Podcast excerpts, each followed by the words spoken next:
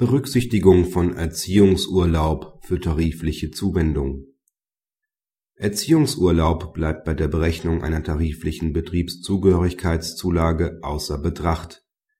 Es liegt keine mittelbare Entgeltdiskriminierung vor.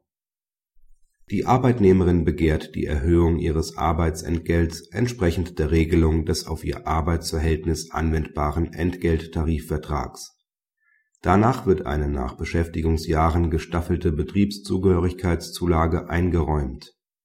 Von der zu berechnenden Beschäftigungszeit ausgenommen sind sogenannte Ausfallzeiten wie längerer unbezahlter Urlaub. Die Parteien streiten darüber, ob der von der Arbeitnehmerin in Anspruch genommene dreijährige Erziehungsurlaub als eine solche Ausfallzeit zu betrachten ist. Die Arbeitnehmerin fordert rückwirkend ab dem 1.5.2002 ein höheres Entgelt. Das Arbeitsgericht hat ihre Forderung zurückgewiesen, das LAG hat ihrem Antrag entsprochen. Das BAG indes wies ihre Klage als unbegründet ab.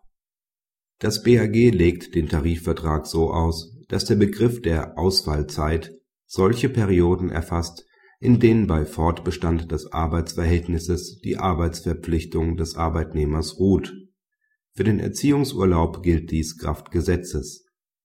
Die Nichtanrechnung des Erziehungsurlaubs verstößt weder gegen das Verbot der Entgeltdiskriminierung aus Artikel 141 EG, der auch auf Tarifverträge Anwendung findet, noch gegen § 2 Absatz 6 der Richtlinie 96/34 EG zum Elternurlaub.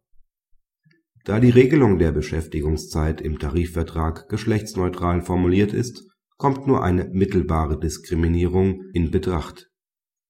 Das BAG prüft nicht näher, ob eine mittelbare Diskriminierung vorliegt, sondern geht der Frage nach, ob gemäß Artikel 141 EG ein sachlicher Grund für die Ungleichbehandlung vorliegt, der nicht an das Geschlecht anknüpft, einem tatsächlichen Bedürfnis des Unternehmens entspricht sowie für die Erreichung des Ziels geeignet und erforderlich ist die Anknüpfung an die tatsächliche Arbeitsleistung stellt einen sachlichen Grund dar, sofern sie darauf abzielt, einen Zuwachs an Erfahrungswissen zu vergüten.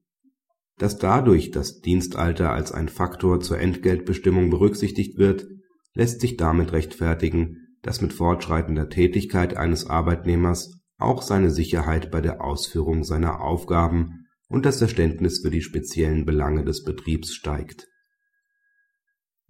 Praxishinweis Das BAG bestätigt mit diesem Urteil die Rechtsprechung des EuGH zur Berücksichtigung von Elternurlaub bei der Gewährung von Gratifikationen, wonach es im Grundsatz nicht Artikel 141 EG widerspricht, für eine Sonderzuwendung an aktive Beschäftigungszeiten anzuknüpfen und damit dem Dienstalter Rechnung zu tragen. Dabei muss der Arbeitgeber nicht gesondert nachweisen dass einzelne Arbeitnehmer tatsächlich mit steigendem Dienstalter einen Zuwachs an Erfahrung erworben haben